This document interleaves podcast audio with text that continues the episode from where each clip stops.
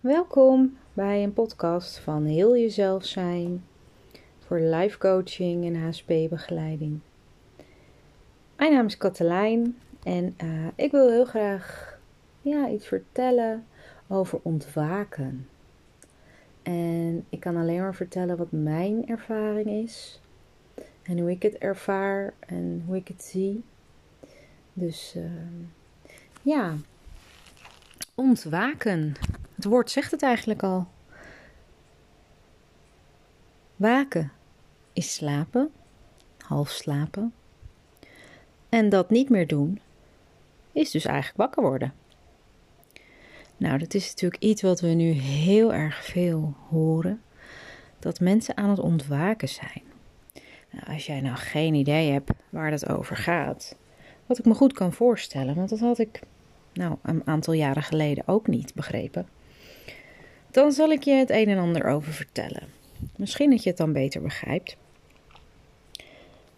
Op het moment dat wij leven op aarde en wij nemen alles aan dat ons aangereikt wordt in de buitenwereld, voorwaar, dan zijn we dus niet uh, ontwaakt.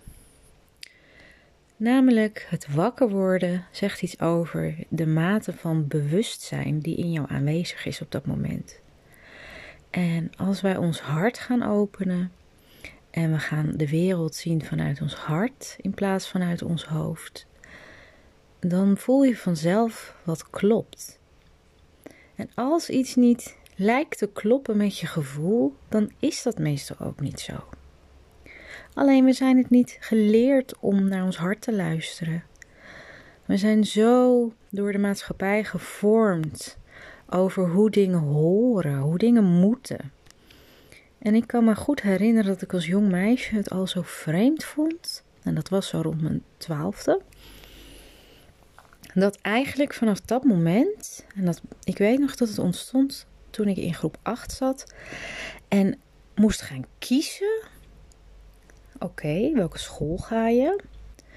Want welk niveau wil je? Want wat wil je later worden? Toen dacht ik, hoe moet ik dat allemaal nu al weten? Hoe moet ik dat nu allemaal al kiezen? waarom moet ik dat nu al vastzetten? En ik kan me herinneren dat ik dat heel vreemd vond. Dat het gewoon allemaal zo vast staat. Oh ja, dus dan ga je naar school, dan ga je naar de middelbare, dan ga je studeren, dan ga je daar een beroep kiezen en dan ga je dat werken voor de rest van je leven, zodat je er misschien een huis kan kopen en misschien krijg je een partner, nou misschien krijg je kinderen. Nou, dan leef je, je werkt, je leeft, je werkt. Op een dag hoef je niet meer te werken. Nou, dan mag je eindelijk nog even leuke dingen doen als je geluk hebt. En dan is het klaar. En gewoon dat hele riedeltje riep bij mij al op van. Dus eigenlijk is het leven voor iedereen zo'n beetje hetzelfde. En dan zitten er een paar bofkonten tussen. Die het om de een of andere reden wel voor elkaar krijgen om een extraordinary life voor zichzelf te creëren. Maar ja, daar werd ook al heel vaak over gezegd van ja, maar dat is niet voor iedereen weggelegd natuurlijk. Ja, het echte leven is gewoon hard werken, goed je best doen. En ja, weet je, de vervelende dingen horen er gewoon bij. Nou, enerzijds is het natuurlijk ook wel zo. Ik bedoel, er gebeuren ook zeker dingen in het leven waar we, althans we, waar onze mind ja, een oordeel over heeft. Als in, dat is niet leuk, dat is stom, dat is vervelend, dat willen we niet. En dat zegt eigenlijk alleen maar iets over hoe wij opgevoed zijn. Dat wij dingen die niet fijn zijn, wegstoppen. Het liefst. Terwijl juist in die duisternis, in dat onlicht van ja, de dingen in het leven die niet fijn zijn, daar zit de potentie tot groei. En omdat we zoveel afleidingen in ons leven hebben, bioscoopjes, vakanties, theater, um, mooie spullen, mooie kleren, uit eten. Nou, en dan heb je nog natuurlijk feestjes. En als je het grofferig geschud wil, heb je drugs en drank. En dan heb je ja, in allerlei gebieden waar je je afleiding kunt zoeken. En je kan het zo extreem maken als je zelf wilt. En omdat we in een wereld leven waarin, ja, hoe meer er kan, hoe beter, hoe leuker, schijnbaar.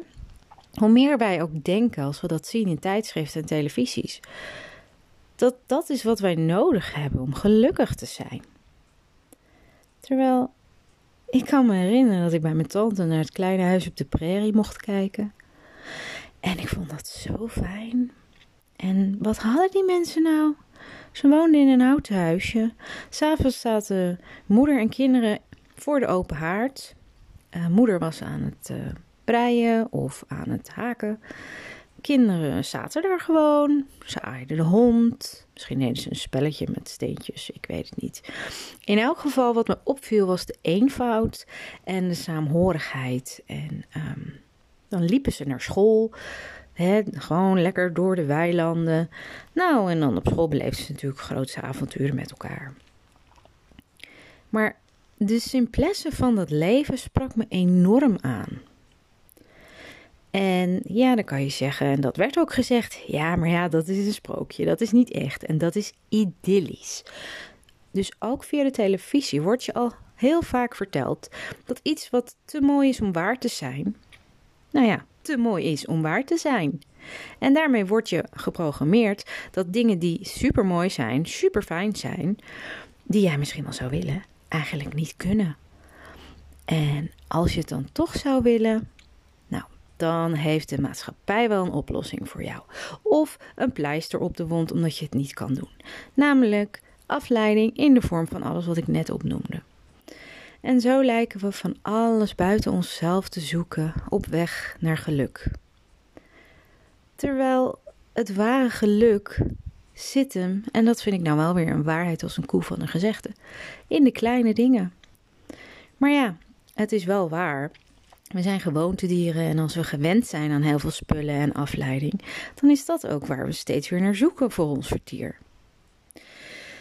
Nou is het zo dat er natuurlijk steeds meer jonge zielen. Nou ja, ze zijn zelf niet. Uh, de zielen zijn wellicht niet jong, maar de, nieuwe kinderen die nu uh, afgelopen jaren op aarde komen. En ja, ik ben natuurlijk 42, maar ik ben daar ook wel een lichting van. Um, mensen op aarde met een bewustzijn en ergens een, een herinnering aan waarvoor ze hier op aarde zijn gekomen. En die herinnering die is er niet meteen. Hoewel bij sommige kinderen is die er gewoon vanaf het moment dat ze er ja, kunnen praten. En vertellen ze ook over vorige levens. En uh, soms zo van, nou mama, van vorig leven was ik jouw moeder. Hè? Of ze zijn gewoon helderziend of heldervoelend. Sowieso vaak heel gevoelig. Um, ik zelf uh, kwam daar ook pas achter toen ik een jaar of uh, eh, 21 was. Dat mijn gevoeligheid helemaal niet zo hetzelfde was als bij iedereen. En um, dat ik ja, een strategie ontwikkeld heb omdat ik dat vanuit huis uit niet zo erkend kreeg. Om dan maar in mijn hoofd te gaan wonen. Want ja, alles wat ik voelde, dat werd niet erkend. Dus het was waarschijnlijk of niet goed of niet veilig. En dat zie je heel veel. Dat mensen en kinderen geboren op aarde nu, ja, het in eerste instantie best moeilijk kunnen hebben. Omdat ze ja, in een maatschappij komen die niet per se erkent uh, wat zij aan gaven en sensitiviteit in huis brengen. Om, zoals ik het ook zie, te helpen de mensheid te laten ontwaken. Want net zoals dat wij groeien van een baby naar een oud mens, als we gelukkig uh, geluk hebben, is ook de aarde uh, een groeiend wezen en levend wezen. En zo ook ons bewustzijn. En je moet het zo zien, in het begin kan je nog niet eens lezen. En uiteindelijk leer je eerst wat letters, dan leer je wat klanken.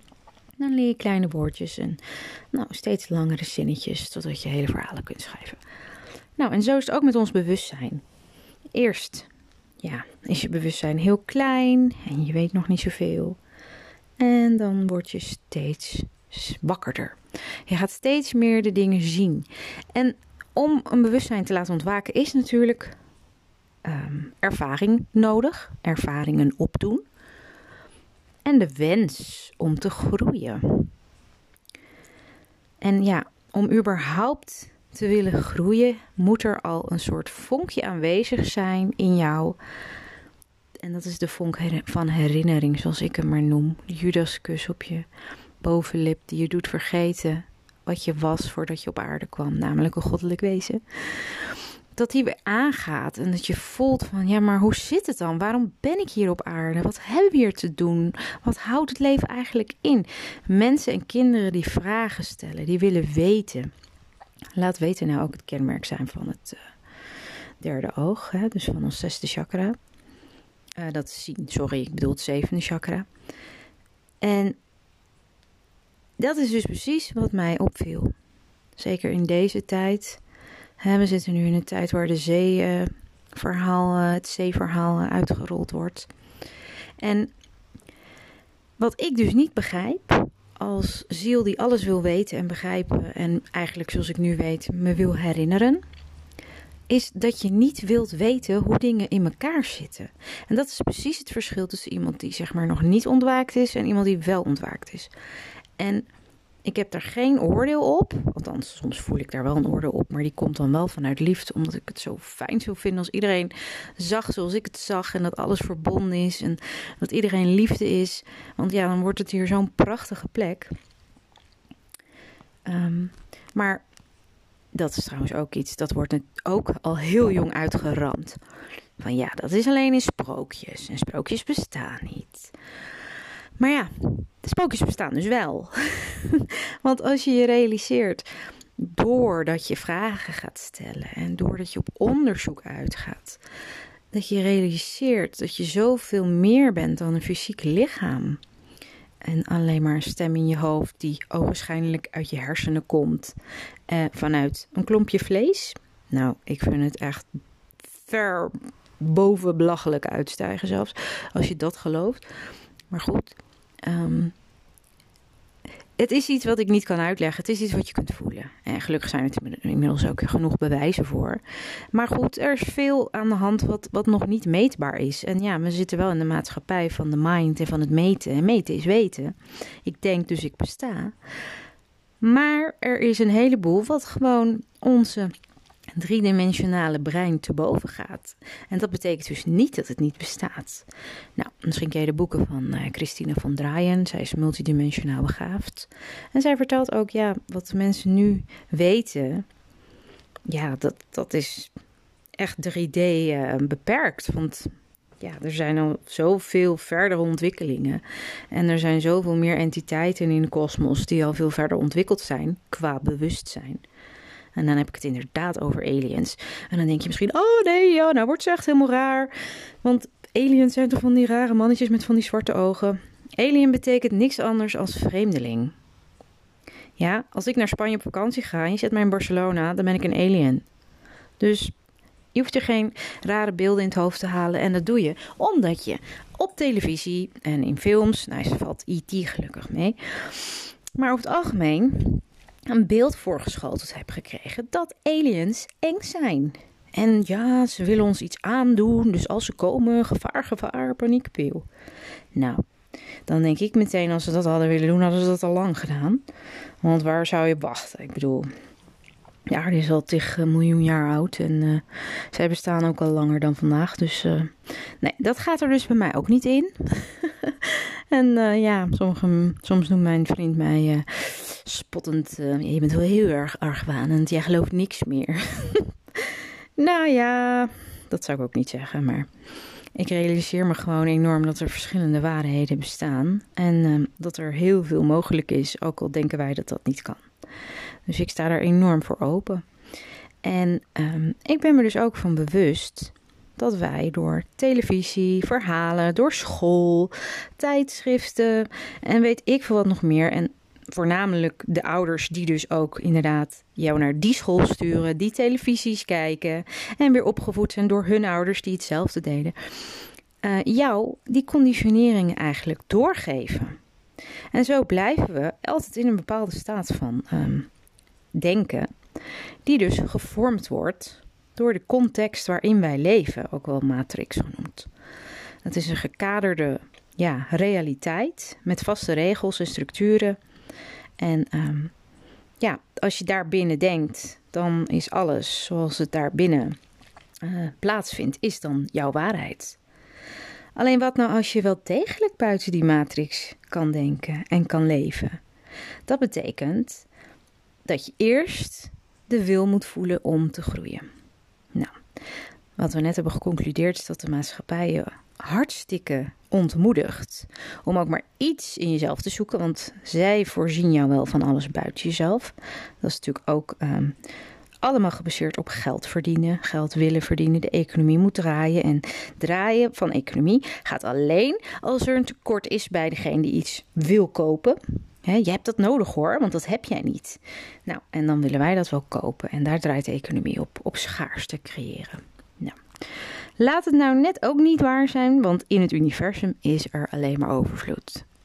En dan denk je, wat bedoel je dan met universum? Nou, zonder helemaal uh, astrologisch en uh, moonwise uh, te gaan doen hier. De kosmos en het universum is gewoon eigenlijk het hele bestaan. Dus ja, dat is natuurlijk eigenlijk superveel. Maar als je zeg maar het verhaal hebt van uh, Jezus Christus en God en hij schiep de wereld in zeven dagen, bla bla bla. Nou, dat is, dat is dus pas een mooi sprookje. maar dan is er dus iemand, in dit geval noemen we hem God, uh, de vader van Jezus. En uh, ja, wie zijn wij dan? Een soort van hulp ik weet het niet, de dwergen. Ik... Nou, in elk geval, um, je moet het zo zien: de kosmos is alles waar het leven in bestaat. Dus in de kosmos zijn er misschien ook nog heel veel andere, nou ja, misschien niet, zeker heel veel andere planeten. Daar leven ook weer wezens op. En ja, je kan je ook nog verder je mind proberen te breken over waar de kosmos dan ophoudt. Maar dat doen we maar even niet. Maar in elk geval, ehm, het leven aan zich, het feit dat er leven is, dat is het universum. En door wie het dan, ja, waar het precies begonnen is en waar het ophoudt, dat, dat wil ik even aan de kant uh, schuiven. Maar in elk geval, zoals Einstein al zei, alles is energie. En het is helemaal niet zo dat uh, bij materie alles ophoudt. Maar als we gaan denken in termen van energie en frequentie. Frequentie is gewoon um, ja, een trilling die iets heeft. Hoe lager iets trilt, hoe vaster de vorm. En hoe hoger, zoals lucht, zuurstof, hoe, hoe minder vast. Dat is het eigenlijk. En dat is gewoon kwantumfysica. En zo is alles dus een trilling. Dus ons fysieke lichaam is een hele lage trilling, want die is vast in vorm, net als de aarde en de spullen en alles wat we kunnen zien. Maar onze gedachten en onze emoties, die zijn nog veel hoger van trilling. Want die kun je niet waarnemen. We kunnen ze wel voelen in ons lijf. En gedachten kunnen we ja, gek genoeg horen in ons hoofd. Maar um, ja, die zijn van een andere frequentie dan ons lijf zelf. Nou is het ook nog zo dat de vorm van de gedachte en de vorm van de emotie, en daar bedoel ik mee of ze fijn zijn of niet, ook weer heel erg verschilt in frequentie, oftewel in energie. Uh, een blije energie kan je voorstellen trilt hoger dan een lage energie. Nou, en dat is ook met gedachten zo. En is het ook nog zo met energieën? Dat is ook gewoon een wet van mediumpersen. Dat um, gelijke in die zin elkaar aantrekken. Soort zoekt soort. En plus en min, nou ja, dat kan ook elkaar aantrekken of afstoten. Maar in elk geval is het zo dat je altijd te maken hebt met energieën die op elkaar inwerken. Nou, energie en gedachten die energie zijn, kunnen wij zelf sturen. Want hoe gek het ook klinkt en hoe jij misschien ook denkt dat je gedachten je over, dat jij die ja, overkomt, of dat ze je overkomen. Um, wat in zekere zin ook wel zo is hoor. Ze vallen je in. Maar of jij negatieve gedachten hebt of positieve, daar heb je wel degelijk invloed op. Want als jij lekker in je vel zit, zul je automatisch meer positieve gedachten aantrekken. En dit is omdat je dan weer het hebt over energie. En dat geldt ook voor emoties. Want ja, achter een positieve gedachte zit ook een positieve emotie. Want die zijn zeg maar vriendjes. Dus het enige wat jij hoeft te doen is zorgen dat je je blij voelt. Nou, wanneer voel je je blij? Als je je hart volgt. Juist. Dat betekent dat jij dus wel degelijk invloed hebt op hoe jouw leven eruit ziet. En wat ze je ook niet vertellen op school, is dat wij ons leven zelfs creëren. Want als wij dingen aantrekken met onze gedachten in termen van frequentie, dan kunnen we dus ook onze hele realiteit zelf creëren. Nou, als er iets is wat je wel wordt afgepraat of uit je hoofd gepraat wordt, is het dat het leven alleen maar leuk en aardig is. En dat je, ja, je moet niet uh, in een of andere droomwereld uh, leven. En je moet wel gewoon uh, hard werken, wil je een beetje succesvol zijn. Terwijl ik dacht vroeger al, ja, maar jeetje, ik het liefst wil helemaal niet werken. Ik wil gewoon lekker, ja, alleen maar de dingen doen die ik wil doen. En dat is mensen helpen en mensen inspireren. En op een creatieve wijze mensen, ja, daarin bijstaan. En het liefst, ja, het is leuk als je er wat mee verdient. Maar eigenlijk zou het fijn zijn als ik gewoon genoeg geld heb om fijn te leven. Het liefst in de natuur met heel veel gelijkgestemde mensen om me heen. Op een mooie plek. En ja, dat er gewoon genoeg is van alles. Dus dat ik niet hoef te werken voor geld. Maar dat ik gewoon uh, genoeg heb om mijn werk te kunnen doen waarmee ik mensen wil helpen. Dus niet werken voor geld, maar werken om mensen te helpen. Dat is mijn levensdoel. Maar ja, omdat je zo geïndoctrineerd bent dat je geld nodig hebt voor alles wat je wil bereiken, komt die gedachte automatisch in je systeem. Je moet het zien als een soort van standaard programma's die vanaf je geboorte gewoon in jouw computer worden geplukt. En om die standaardprogramma's dus te veranderen, moet er bewustzijn bij jou ontstaan. En bewustzijn bedoel ik mee dat je bewust wordt dat er bepaalde programma's zijn. En nou ja, dat is natuurlijk stap 1. Oké, ik heb dus vaak deze gedachte. Wil ik die geloven? Is die überhaupt waar? Wat wil ik eigenlijk wel geloven over mezelf en over het leven? En daarmee aan de gang gaan. Nou, dat is onder andere wat ik ook doe met mijn cliënten. Want als jij realiseert dat jij je gedachten kunt sturen, dan heb je ineens veel meer grip op je leven. En ik hoorde toevallig vandaag een gesprek in de winkel dat ik dacht: Oh, mijn handen gingen echt jeuken om, om daarmee aan de gang te gaan. Dan was er een vrouw bij de kassa en ze vertelde dat ze ziek was. En ja, ja, dat is het leven, hè? die dingen gebeuren. Ja, daar heb je helemaal geen invloed op. En uh, ja, ja, ik ben wel echt heel ziek hoor. En uh, ja, het is wel heel ernstig. En zo zat ze zichzelf heel erg te bevestigen in die ziekte. En dat ze er niks aan kon doen. En uh, ja, ik vond dat heel moeilijk om te horen. Want ik snap wel waar die mevrouw vandaan komt. En ik heb ze allemaal heel veel liefde en genezing toegestuurd. Maar ik dacht, als zij eens wist dat zij zoveel invloed kan uitoefenen met de energie van haar gedachten en haar emoties op haar lichaam. Want dat is dus het volgende. Je lichaam reageert op de energie die in en om jouw energieveld hangt. Dan had ze ja, er toch heel anders in gestaan.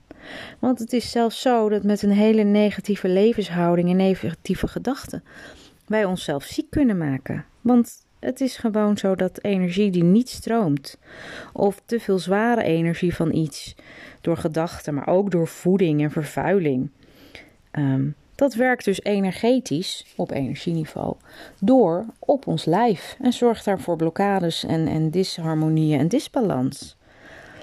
En die kennis is al zo oud, maar ook die is niet economisch gunstig. Want als iedereen zou weten, elk mens op aarde, dat ze zichzelf kunnen genezen alleen al met de kracht van gedachten, dat ze alles wat ze nodig hebben in de natuur kunnen vinden qua voeding. Voor elke kwaal is wel een plant of een kruid. En als ze zouden handelen daarnaar en als ze in verbinding met hun hart stonden en wisten: oh, deze negatieve gedachte, oh ja, dat is een lage frequentie, die hoort niet bij mij. Want mijn ware essentie is liefde. En liefde is zo'n hoge energie, daarin lost al het onlicht vanzelf op. Maar nee, dat is helaas nog niet het geval. De grootste, grootste, grootste killer van afsta afzakken naar je hart. Is mensen vasthouden en gevangen zetten in hun hoofd. En hoe doe je dat? Door angst te creëren. Want in ons hoofd zit een stem. En die stem, die wil controle. En die wil veilig. Die wil dat we ons fijn voelen. En waar voelen we ons fijn? In onze comfortzone. Nou, dan moet je daar niet uitgaan, hè? Nee, nee, zeker niet. En als je dan ook nog eens daarnaast extra angst gaat creëren door te zeggen dat er vreselijke ziektes rond waren en um, ook nog op je schuldgevoel. Dat is echt de aller, allerlaagste trillingsenergie die je kan hebben. Is heel destructief. Gaat inspelen door te zeggen: als jij dit of dat niet doet, dan maak je iemand anders ziek. Ja, dan zegt die mind wel van: oh, oh, nou dat wil ik niet hoor. Ik wil dat niet op mijn geweten hebben. Schuld. En ik wil ook veilig blijven. Angst.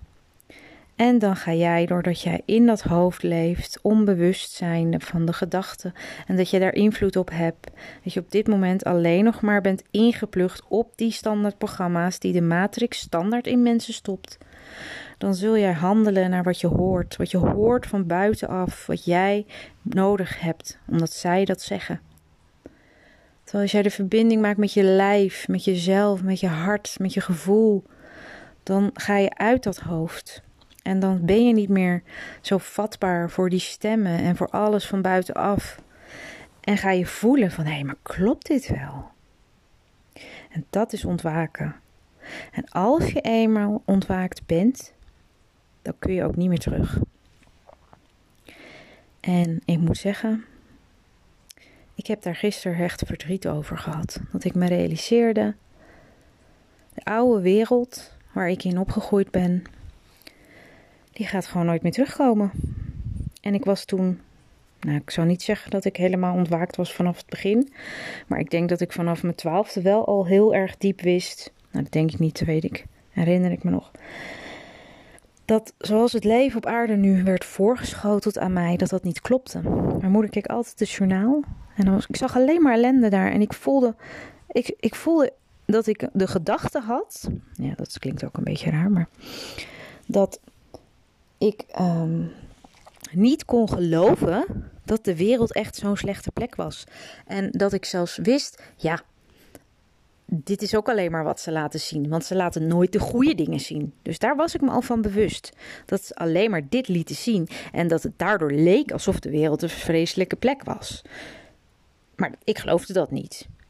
Dus ik had al heel snel door dat televisie, wat dat betreft, gewoon maar een perceptie is van de maker. En dat als je daar niet bewust van bent, dat je daar mensen letterlijk mee kan hypnotiseren. Ik heb ook besloten al vanaf hele jonge leeftijd om het journaal niet te volgen. En wat dat betreft kon je me misschien wel een beetje wereldvreemd noemen. Maar ik voelde me werkelijk niet. Um, ik voelde daar geen waarheid in. En ik heb altijd heel erg met bomen verbonden gevoeld. Ik heb altijd bomen aangeraakt en lief gehad en nog steeds. En ook dieren. Ik heb altijd tegen dieren gepraat. en um, ik heb ook verdriet gehad over dat ik voelde dat we met z'n allen veel liever tegen elkaar moesten zijn. En dat de wereld dan een prachtige plek kon zijn. En ik geloofde daar ook in. Alleen ik dacht ook van jeetje, maar ik ben helemaal alleen. Want wie wil dit nou ook? En waarom gaan we de dingen niet anders doen? En waarom nu niet en wanneer dan wel? Ik weet dat ik dat soort vragen regelmatig had. Ik was ook heel jong al geïnteresseerd in spiritualiteit. En um, ik kan me herinneren dat ik 13 was en aan mijn moeder vroeg: Wat is God? Want ik uh, moest mijn vormsel doen in mijn doopsel. Maar ik had daar helemaal geen gevoel bij. Ik deed dat om mijn moeder te pleasen. Dat was toen de tijd een rol van mij. Maar ik voelde daar helemaal niks bij. En um, toen ik vroeg aan haar wat God was, zei ze wel iets waarvan ik nu denk: ja, daar had je wel gelijk. Toen zei ze: God is liefde. En daar ben ik het nog steeds mee eens. Dus ja, en die liefde, waar vinden we die? In ons hart. Want we zijn allemaal een stukje van die goddelijkheid. En we zijn allemaal, ja, je zou het zo kunnen zien, in stukjes geknipt. Uh, en elk stukje verbindt zich met een eigen lichaam op aarde. En doordat we een apart lichaam hebben allemaal, denken dat we afgescheiden zijn en zeggen we ik en jij. Maar die energie die ons ja, met dat lichaam verbindt, is ook verbonden met een soort van overkoepelende energie, namelijk de bron waar we vandaan komen. En daarin zijn we allemaal met elkaar verbonden. Dus in feite zijn we niet afgescheiden, maar we voelen dat wel zo. En als je die verbinding dus weer voelt, en die verbinding zie je ook in de natuur, en ook met de dieren, en ook met de stenen, en ook met de lucht, en met alle elementen die overal aanwezig zijn, dan ben je niet meer alleen. En dan zie je hoe prachtig en perfect alles is. En als je dat weet, dan weet je dat je ook je eigen leven kunt scheppen. En dat je daarvoor verbonden moet zijn met je lijf, met de aarde, maar ook met de kosmos. En dat je zelf de schepper bent. En dat je je leven zo mooi en waanzinnig kan invullen als jij wil. Maar daarvoor moet je wel eerst al die oude programma's losmaken en daardoorheen. En dat vraagt om lef. Lef om daar naartoe te gaan waar je niet weet wat er gaat gebeuren, waar je het nog niet helemaal kent. Uit je comfortzone. En eerlijk is eerlijk, ik snap best dat heel veel mensen dat gewoon hartstikke eng vinden. En ehm, daarom moeten we ook een beetje lief zijn voor mensen die nog niet zover zijn. En we hebben er heel wat jaren over gedaan om zover te komen, om met ons bewustzijn te evolueren. Maar ik heb er alle vertrouwen in dat we heel goed op weg zijn en dat die nieuwe aarde, waarin we met liefde en compassie en vreugde met elkaar samenleven, dat die heel dichtbij is. Dus lief mens, ga jij ook op het pad van ontwaken? Ik hoop het. En als je hulp nodig hebt, dan loop ik met alle liefde een stukje met je mee. Nou, heel erg bedankt voor het luisteren. En uh, nou, tot een volgende keer bij een andere podcast. Lieve groetjes. Bye bye. Hallo lief mensen, dankjewel voor het luisteren naar deze podcast. Heb je nou zin om nog wat meditaties te luisteren die aansluiten op het thema? En wil je elke maand de nieuwste ontvangen of altijd toegang hebben? Dan kun je abonneren. Voor slechts 2 euro per maand ontvang je alle meditaties die aansluiten bij de thema's ontwaken en hooggevoeligheid. Wil je me volgen op Instagram? Kijk dan bij HSP en Life Coaching. Dankjewel en tot snel!